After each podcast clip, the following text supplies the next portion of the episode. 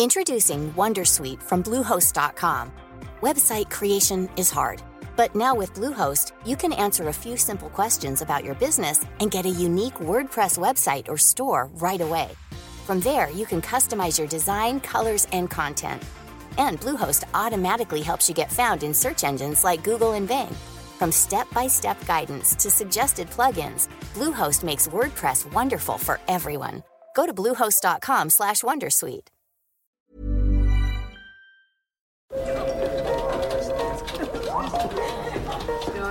Dette er lyden av norsk næringsliv. Akkurat nå tas det små og store valg som kan bli avgjørende for fremtiden. Med økonomisystemet X-Leger tas disse beslutningene basert på informasjon i sanntid, slik at drømmer og ambisjoner kan bli virkelighet. Få kontroll og oversikt, gå inn på xledger.no. Denne sendingen er sponset av Xledger.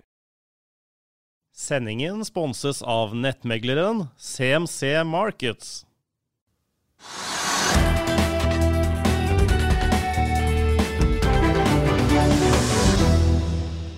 Ja, velkommen til Økonominyhetene julespesial. I dag kjører vi både podkast og TV, og Trygve, det må vi like. Hva må vi Dobbelt like? opp, dobbelt opp der, altså. Ja, ja, ja vi er, hvis vi er gode gjester, så er det alltid bra. Ja, og i dag har vi med oss sjeføkonom Harald Magnus Andreassen fra Sparebank1 Markets. Velkommen til oss, Harald Magnus. Takk skal du ha, og gratulerer med julepod. Yes, eh, 2019 fra et makroøkonomisk perspektiv. Eh, Hva har vært det mest overraskende? Det mest overraskende kanskje er at veksten ikke har blitt dårligere enn det den har blitt. Eh, Veksten i global økonomi kom ned i allerede slutten av 2018, i tredje kvartal. Så kom vekstraten ned på 3% hvis vi ser fra kvartal til kvartal. Og faktisk har vi holdt den veksttakten stabilt gjennom slutten av 18 og hele 19 så langt. Og jeg trodde nok kanskje at vi skulle tippe litt lenger ned mot slutten av 19 enn det vi har gjort. Vi ser også at eh, globale industribarometre, globale PMI-er, som også inkluderer tjenestesektoren, er stabilisert de siste månedene. Og litt oppgang på industrisiden. Så har jo da handelskrigen preget store deler av mediebildet gjennom hele året, og vi er fortsatt ikke fått noe avklaring på hva, hva som blir resultatet her. Hva tror du, får vi noe avklaring? Hvis jeg kan snakke om overraskelse, så trodde nok for et, et år tilbake at dette ville ha kommet lengre, at det har blitt en avklaring nå. Uh, nå er jo meldingene frem og tilbake hver dag. Uh, jeg kunne tatt en omskriving av et gammel norsk lyrikk fra 70-tallet. Eh, jeg vet ikke om jeg tør ta det, men jeg skal prøve det. Eh, det er en omskriving av et gammelt norsk ordtak. Det var, var brukt på Nixon, president Nixon den gangen, under Vietnamkrigen bl.a. Ingen kjenner dagen før Nixon har vært på driteren.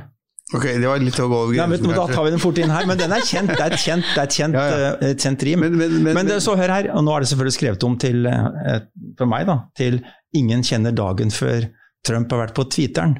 Nei. Og, og det, det er at vi, politikken er blitt ekstremt uforutsigbar. Eh, Den endres fra dag til dag. Eh, Og det er jo ikke bare når det gjelder handelspolitikk, altså, men mange andre ting er blitt veldig uforutsigbart. Og vi ser jo at sjefene i bedriftene, den såkalte CEO-indeksen i USA, eh, den er på et nivå som tilsier at USA er langt nede i en resesjon, dyp resesjon, eh, uten at økonomien er det.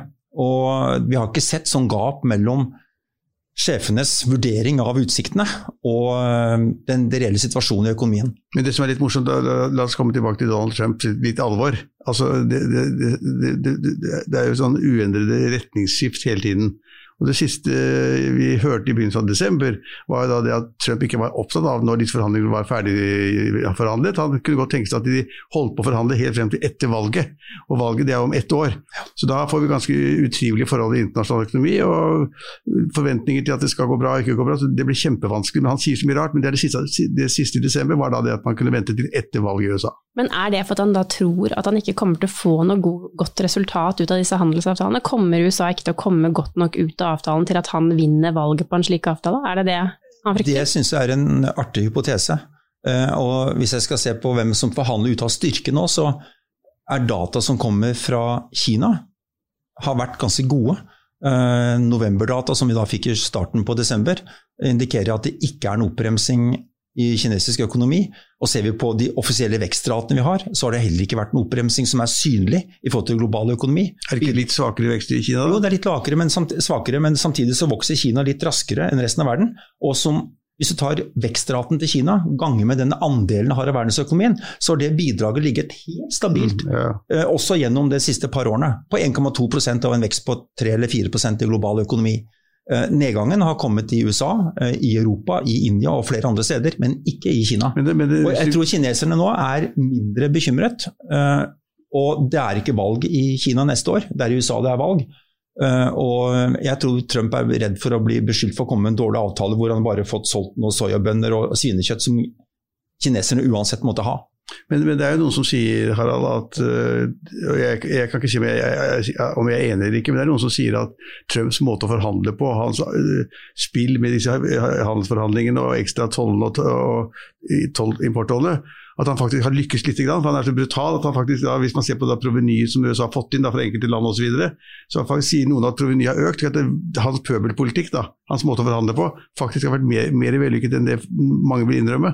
Provenyet er jo helt bagatellmessig i forhold til amerikansk økonomi, og det betales dessuten i stor grad av amerikanske kjøpere. Forbrukere, ja Så det, det å si at, du, at USA Jeg sier ikke at jeg sier det, jeg sier at Nei, noen, noen sier det, ja da. at det har vært mer vellykket enn man kanskje har trodd. Hvis du hører hva Trump sier, så er det det mest fantastiske som har skjedd. Ja, ja. Han har vært gjennom et par forhandlinger, ja, flere, men to særlig, da, mot eh, NAFTA, altså Nord-Amerika, og Korus, Sør-Korea. Og begge de avtalene ble gjort helt minimale endringer. Og det gikk fra å være verdens verste handelsavtaler til å bli verdens beste uten substansielle endringer. og, og nå har han truet da med, i desember da, med å ilegge en straffetoll på 100% varer fra Frankrike. Ja. Champagne og litt andre greier. Ja, håndvesker og alt det Ja, som de lager. lager. skal de skal Ikke le av det, gutter. Altså, det kan de være dramatisk nok, De skal, de skal få en straffetoll på 100% Det er Ja, da drar du ikke til USA, til New York for å handle vesker ja, er lenger. Men da kan du handle et annet sted. Eh, Men altså gått nummer tolv mot Argentina og Brasil eh, på stål og aluminium. Stål og aluminium. Det er ikke gjennomført ennå. Nei, men de har en, en, det har kommet forslag fra Handelsdepartementet hvor de kan bruke nasjonale sikkerhetshensyn eh, mot så å si all import eh, av teknologivarer for at USA skal beholde markedet for seg selv for å være konkurransedyktige. Så i summen her da, så er det sånn at hele det handelspolitiske regimet er nå i ferd med å falle fra hverandre, kan man være redd for. Eh, amerikanere vil ikke finansiere Verdens handelsorganisasjon, slik at eh, WTO ikke lenger har et dommerkorps som kan ta av beslutninger. Og de har løst hundrevis av konflikter på en måte som jeg tror har vært utrolig nyttig for eh, global økonomi og globale bedrifter. Og nå står de der uten å vite hvem som egentlig styrer, og USA vil være måte, bølla i gata. Da. Jeg må si bare noe om det fundamentale, eh, som jeg er mest opptatt av. Nummer én er at arbeidsledigheten i rike land er den laveste på 40-50 år. I flere land nå så har overskuddene i selskapene som andel av verdiskapingen kommet mye ned, særlig i USA. Og det er akkurat det være, som det skal være når ledigheten blir lav. Det kommer alltid i forkant av at investeringene går ned, og investeringsnivået er høyere enn normalt i de aller fleste land, også USA. Så jeg tror at vi uansett handelskrig eller ikke, så har vi lagt bak oss en oppgangskonjunktur som har ført med seg eh, ja, bidratt til at ledigheten har blitt altså lykkeligvis svært lav, men det kan ikke falle én gang til.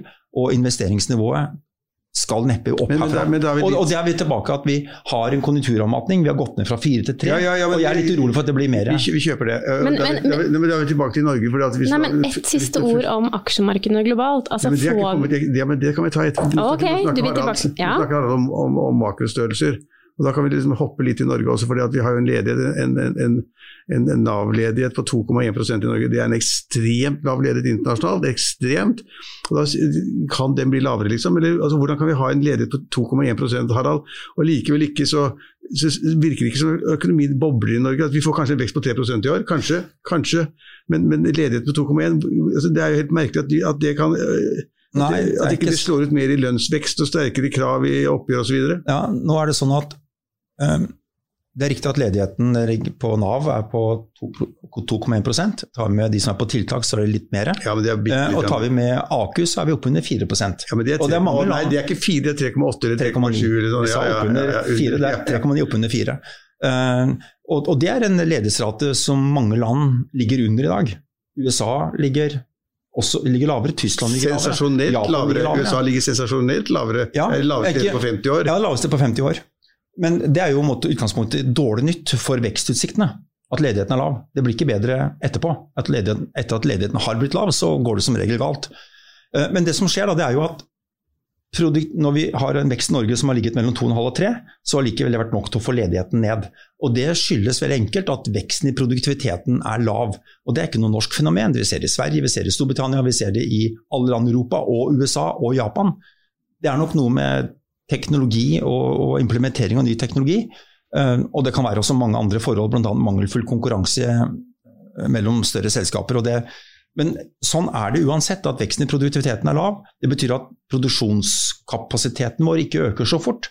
Og selv en moderat vekst i BNP vil senke ledigheten. Men, men, men da hadde jo jeg studert og vi, Men en ting til, at, at lønnsveksten har kommet opp fra to ja, til tre pluss. Og det er nok til vet du hva, det er nok til at overskuddsandelen norske bedrifter faller nå ganske fort.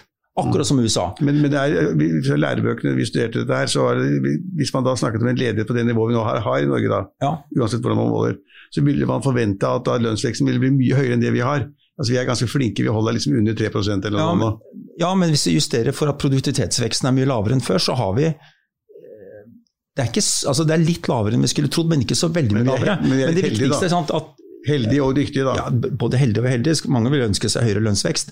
Men bare husk på det at den lønnsveksten vi nå har, er så høy at den fører til at bedriftene, bedriftenes inntjening, eller andel av verdiskaping da, som går til bedriftene, den er på vei ned. I USA har den falt nå mye i fire år.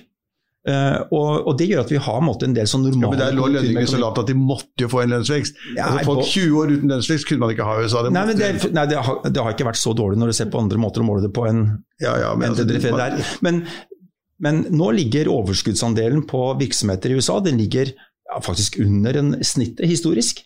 Og den er på full fart ned. Fordi at arbeidsmarkedet er pinnestramt. Amerikanske bedrifter har aldri før rapportert om så mye mangel på arbeidskraft.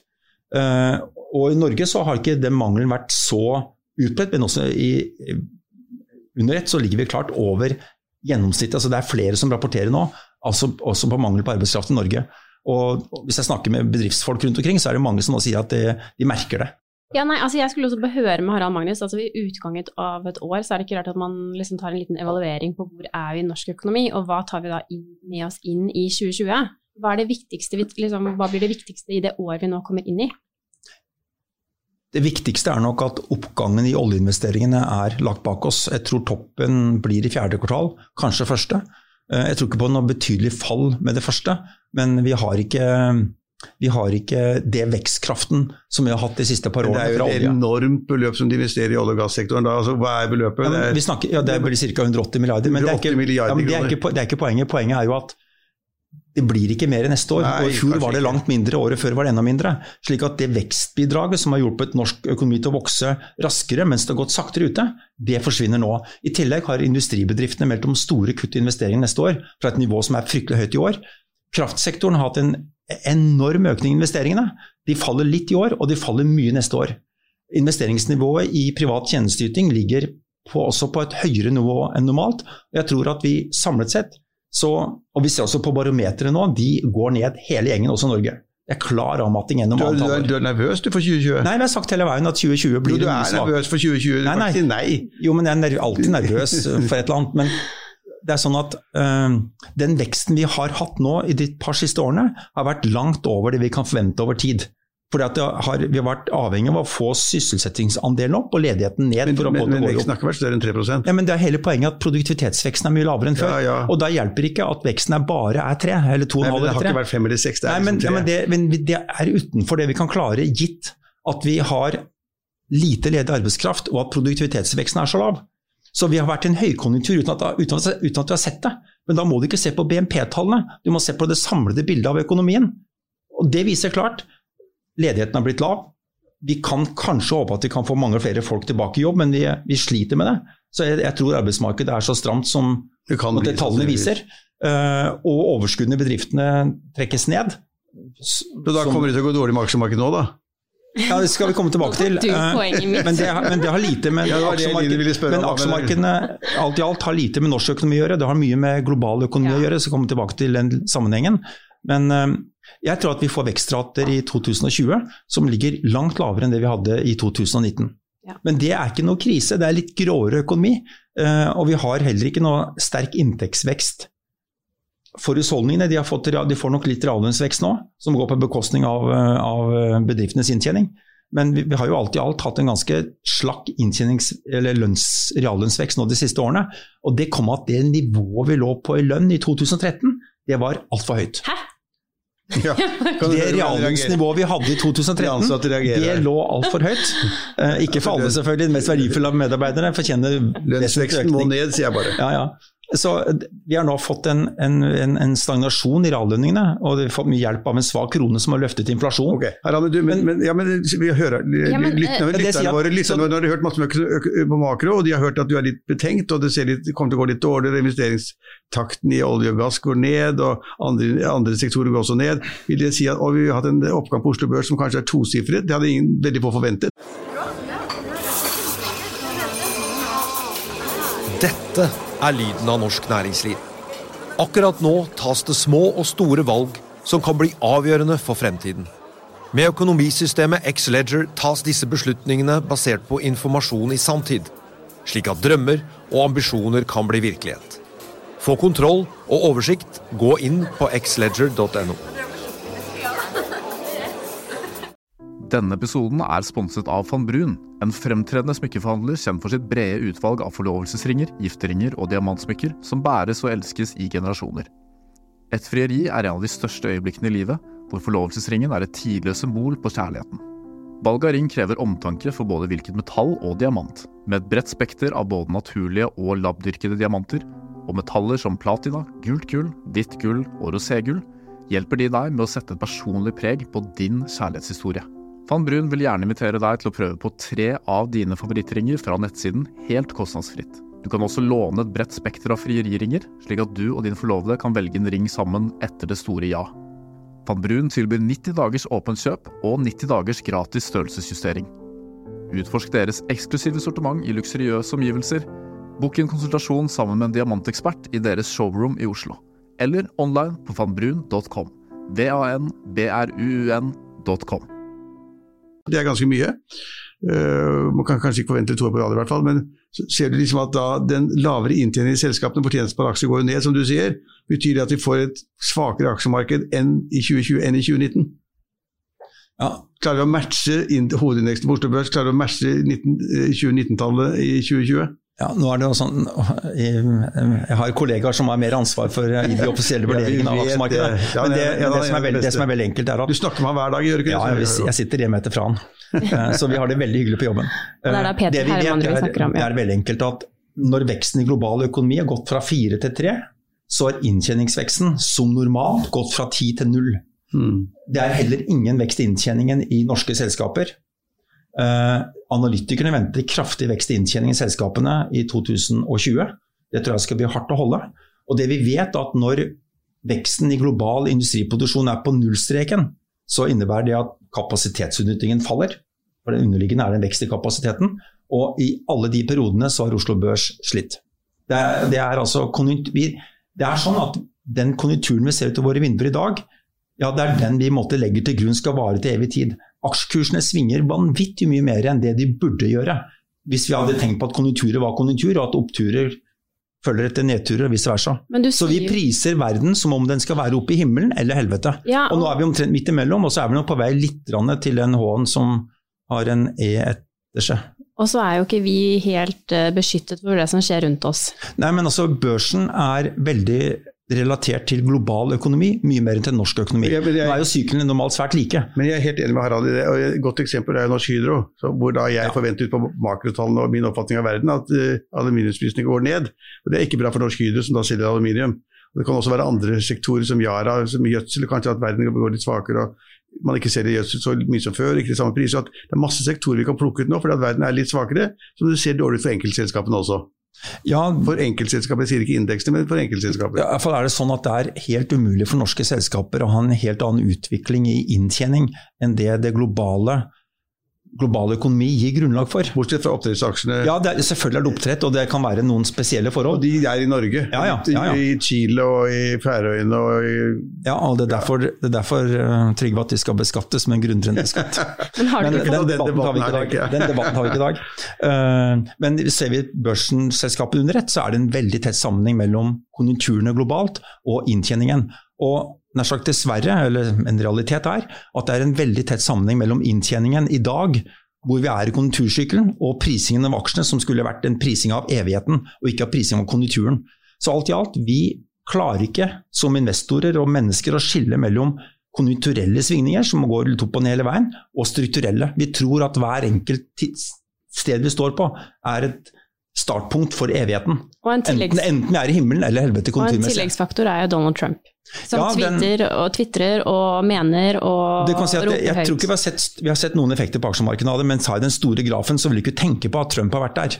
Nei, men, Eh, men, nei, skal, ikke. så skal vi ikke begynne med Trump igjen. Men- det- nei, men vi du har kan- et- et- et det område- Trump- nei, det Trump kan påvirke. Nei, ja, men det er et, et område han har påvirket, og det er rentesettingen og hva han sier om rente, renteutviklingen og, og, og Feds muligheter og begrensninger. Der har han påvirket markedet. Kanskje. Jo, når, kanskje. når, når alle trodde at Fed skulle øke renten i USA, så sa han at den skal ned. Og Hvis ikke de går ned, så kommer de til å sparke sjefen for Fed. Ja. Og da påvirket markedet litt. Grann. De, Ja, det, jo, men det er også sånn her sant, at Trump kunne ha påvirket aksjemarkedet i Norge ved at det er svakere nå enn det var for, på toppen for vel et år tilbake. Fordi at global økonomi blir svakere. Den svekkelsen kan dels skylde den underliggende, naturlige, på tampen av en høykonjunktur som jeg snakket om i sted, med lav ledighet og høye investeringer. Men det er selvfølgelig også påvirket av den usikkerheten som handelspolitikken til Trump har skapt. Og når Fed har kuttet rentene, ja så kan det være for at de fikk pistolen mot hodet, men det kan like gjerne være at de så at Trumps handelspolitikk har ført til at industribarometeret, ISM, har falt fra 60 til 48. Og, og det er den usikkerheten politikken har skapt, som gjorde det nødvendig for Fed å kutte rentene. Ja, men når vi er inne på rente, da. Harald Magnus, du har jo ment at Norges Bank burde heve renten betydelig. Ikke nå, håper jeg. Ikke, nei, ikke nå, nei. Ikke nå, Jeg håper det er en stund siden han sa det. men ved inngangen av året så var det jo mange som forventet at Norges Bank kom til å fortsette å heve renten. Ikke Ja, ja. at de skulle ta et pust Ja, i Harald bakken og holde renten. Ja, men nå? jeg har sagt at rentene skulle opp, men den er for lav. Altså Det grunnleggende er jo bare at rentene i Norge har vært langt under det som balanserer norsk økonomi. Vi har hatt en kraftig økning i gjeld, i boligpriser, høy boligbygging, på tross av aggressive reguleringer i utlånene, fem ganger 85% osv. Det, altså, det er ingen tvil om at norske renter forhold til husholdningene har vært mil under det som gir en balansert utvikling i økonomien. Ja. Så er det mange andre hensyn å ta. Kronekurs, oljebrems og det hele. Så det er grunner til at rentene er blitt lave. Men når da oljen kom tilbake, når kronekursen var svak, ja, så var det jo åpenbart at Norges Bank skal heve rentene. Jeg ville begynt før, jeg ville hevet mer. Men det er kanskje at det er nok, den ene prosenten Nå har de fått. hevet fire ganger siste året, da. Ja, det er hevet fire ganger, og det, det, det kunne begynt før.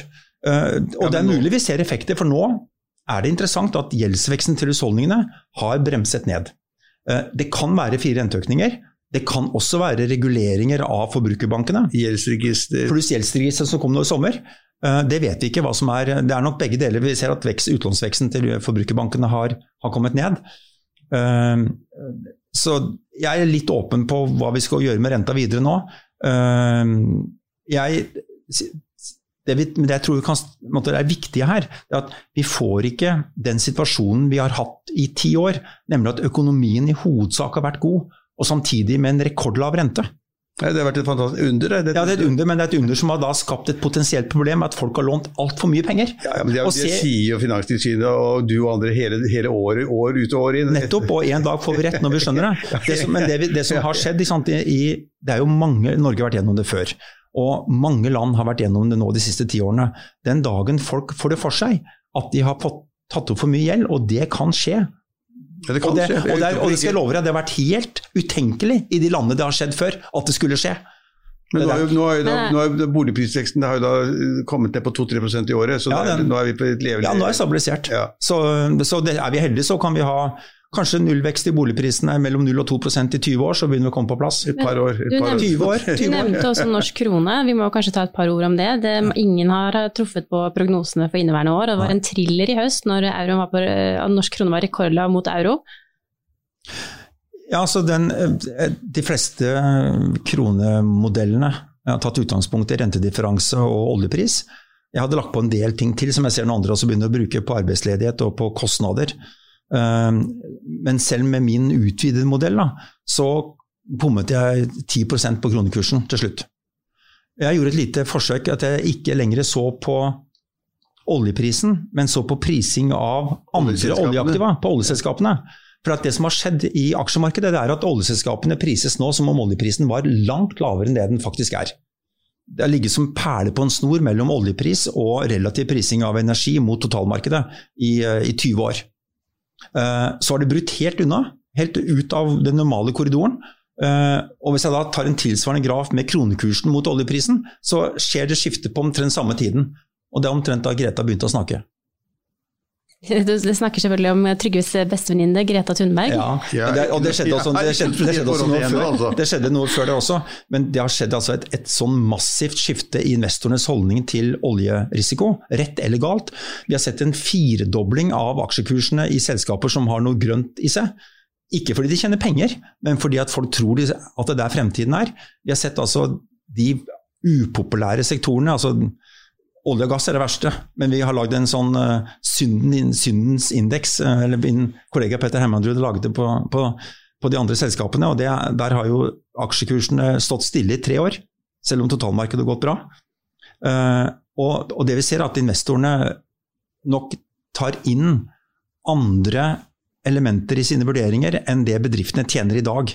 I motsetning til hva de gjør på aksjemarkedet samlet, men på disse sektorene så gir de bengen i at de grønne ikke tjener penger, for de skal komme til å tjene penger, tror de. Alle må være de grønne, vet du. Og ingen, ingen, tror på, ingen, tror på, olje og gass, for der er horisonten så kort. Og selv om inntjeningen er god gass ja, jeg altså, tror, altså jeg, jeg, jeg, jeg, tror på olje og gass i 30-40-50 år til. Nei, jeg tror ikke det varer så lenge. Det, men det trenger vi ikke. Uh, nei, nei, men, altså For aksjekursene. Uh, og det er godt mulig at det beste veddemålet i dag er å kjøpe olje- og gassaksjer, og ikke de grønne aksjene, fordi de har steget så grassat.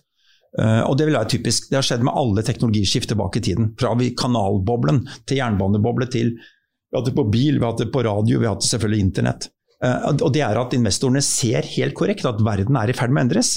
Ja, men, Harald, kaster... jeg, er enig i det, men poenget er hvis du ser, hvis du ser hvilken, eh, hvor mange fly vi har i verden som er oppe i luften og himmelen hele døgnet rundt, og alt av biler vi har som går på fossilt, og så veksten da i elbiler eller andre typer biler, eller går på gass eller hydrogen eller hva det måtte være, så er, så er sannsynligvis svaret, hvis du ser på tallene, at vi er ikke i nærheten av å komme til en avløsning av de fossile tingene på 30-40-50 år frem i tid. Nei, altså At vi har fossil gjennom 30-40 år, det er vel helt sikkert riktig, men hvilket tempo det skjer i, da det er jeg mer usikker på. Ja. Uh, teknologien går raskt frem, uh, og det som nå skjer, det er jo at kapitalistene uh, off, kaster, altså, jeg, jeg tror de kaster seg på sverdet og ofrer seg, men det vet du ikke selv. og det er helt greit.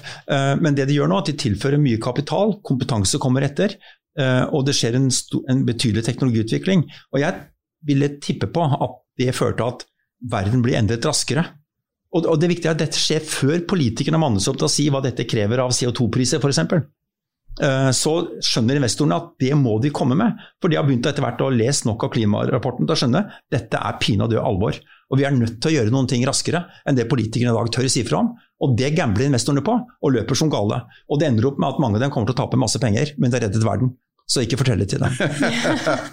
Reddet verden, ja. ja altså et siste spørsmål her, Magnus. Her oppe ved Smestadammen, Trygve er den, er, kjenner de godt. Har vi hvite svaner hele vår- og sommerhalvåret? Ja, ikke, snakk, stygt om svanene dine. Men, er... men, men, ved årets slutt så er det ikke utenkelig at man kanskje kommer innom svarte eller sorte svaner. Altså sånne utenkeligheter som kan bli tenkelig i verst eh, tenkte tilfelle. Ser du noen sorte svaner for 2020? Jeg er så lite kreativ. Hvis han ser det, så er det ikke svarte. Det er ikke svarte, ikke sant? Poenget. Det er så vanskelig å si det som vi ikke kan tenke oss.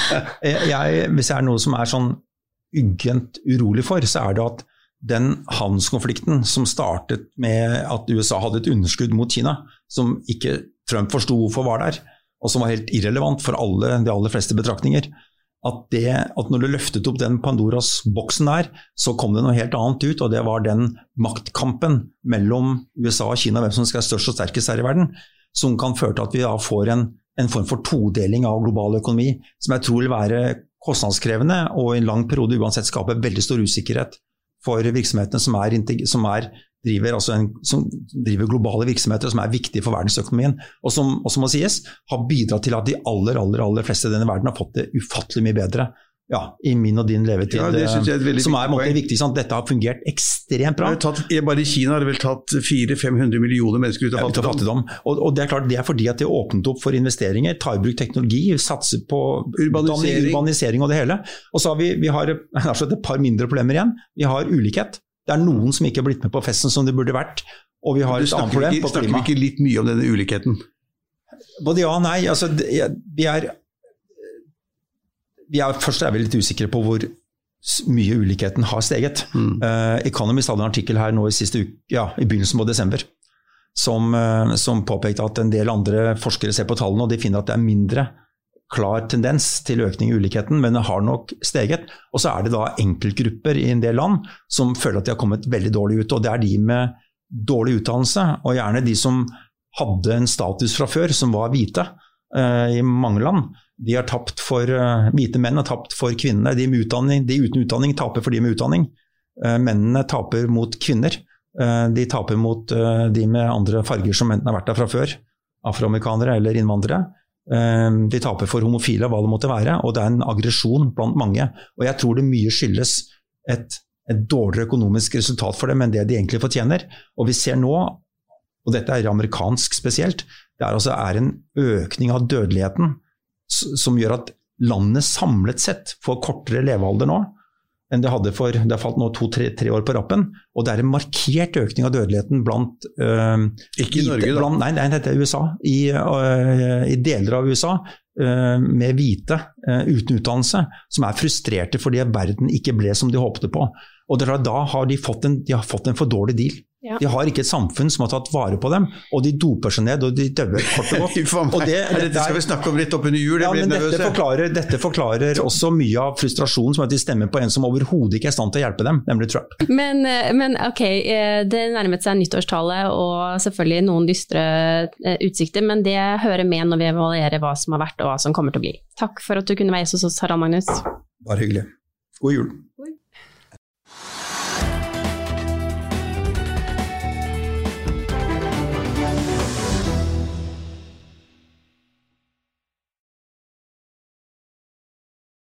Denne sendingen er sponset av Xleger. Økonominyhetene er en podkast og videoproduksjon fra Finansavisen. Programleder er Marius Lorentzen. Aksjekommentator er Karl Johan Molnes.